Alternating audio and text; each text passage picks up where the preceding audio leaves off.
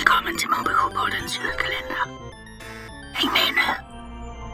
Det blir jättespännande.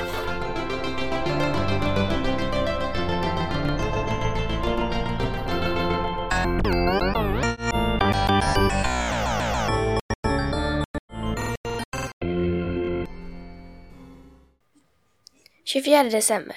Det är tidig, tidig morgon. Kanske ännu natt. Den dag alla väntat på så länge Snön ligger vitt över världen kring Vidargatan och i alla finns fönster lyser redan adventsstjärnorna eftersom ingen ville släcka dem igår när de gick och la sig.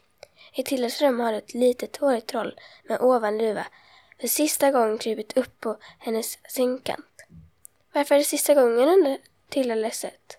Det måste bli så, svarar Skrufs. Men det låter sorgset. Sor, sor, sorgset. Du förstår nog. Jo, Tilda förstår. Det gör hon. Men det känns ändå ledsamt. Och nu tar Skrufs i sin hopplösa svans och kittlar henne i ansiktet. Tills hon skrattar. Skrattande ber honom att sluta. Varför har du den där mössan på dig förresten? säger han, hon sedan. Mössa, protesterar Skrufs. Det är ju en tomte, vad ser du väl? Dagen till ära.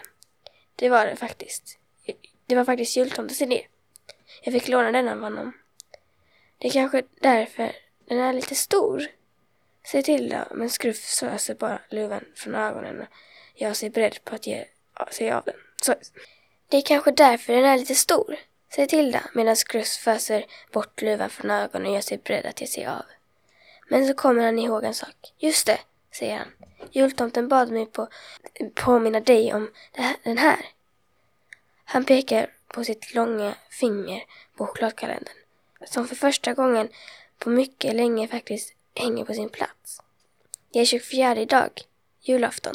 Som om inte till visste. Julaftons lucka är större än det andra och inte ligger ett blankt chokladhjärta med ett tack och ett krusidulikt mörkbrunt. Du ska ha hälften såklart, säger till och avbryter eh, och bryter hjärtat i två halvor. Utan det hade aldrig gått.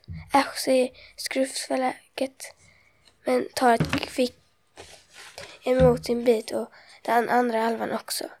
När Tille räcker, den mot honom, räcker honom den. Jag tycker du ska ha båda, viskar hon. Tack, viskar han tillbaka med munnen full av choklad. Tack för allt. Nu blinkar Tilde och han är borta. Så blir det ju ännu julafton till sist och människornas värld. I barnens och de vuxnas och hamstrarnas värld och alla hundarnas värld. Hamstrarna sover vidare i sin kuttespån. Hundarna nosar eh, fylls hopp, av hoppfulla dofter och de lyfter kort sina huvuden för att sedan åter låta dem sjunka ner mot tassarna.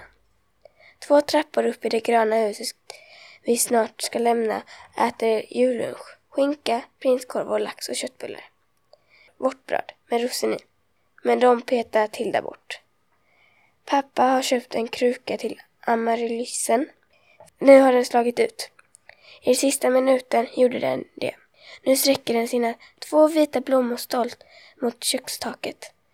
Och mamma och Tilda har knutit en stor röd rosett om den nya krukan. Skruff tycker det om möjligt ännu ljuvligare än förra gången. Ser du, viskar han. Ser du fint det är? Ser du hur fint den är? Den blommar, jultomten. Men jultomten är inte där. Nu ringer det på dörren. Och Tilda springer ut i hallen för att öppna. Oj, säger mamma. Vad kan det vara? Börje skulle vara hemma i år. Men det är inte Börje. Är det, får Tilde bara fram. Och den tjocka rödklädde eh, nickar så att skägget eh, eh, böljar högt uppe. Den här är till dig, säger han och räcker en nytt, ett nytt chokladhjärta. Bara till dig, som du ser. Och Tilda ser. Tack Tilda, står det. Vackert och snikligt. Tack själv, säger Tilda och hennes tack ekar mellan stenväggarna och tomma trapphuset. Vad var det? ropar pappa från köket. En granne, viskar Tilda. Och tänker att det var, det var det ju också, på sätt och vis. En granne.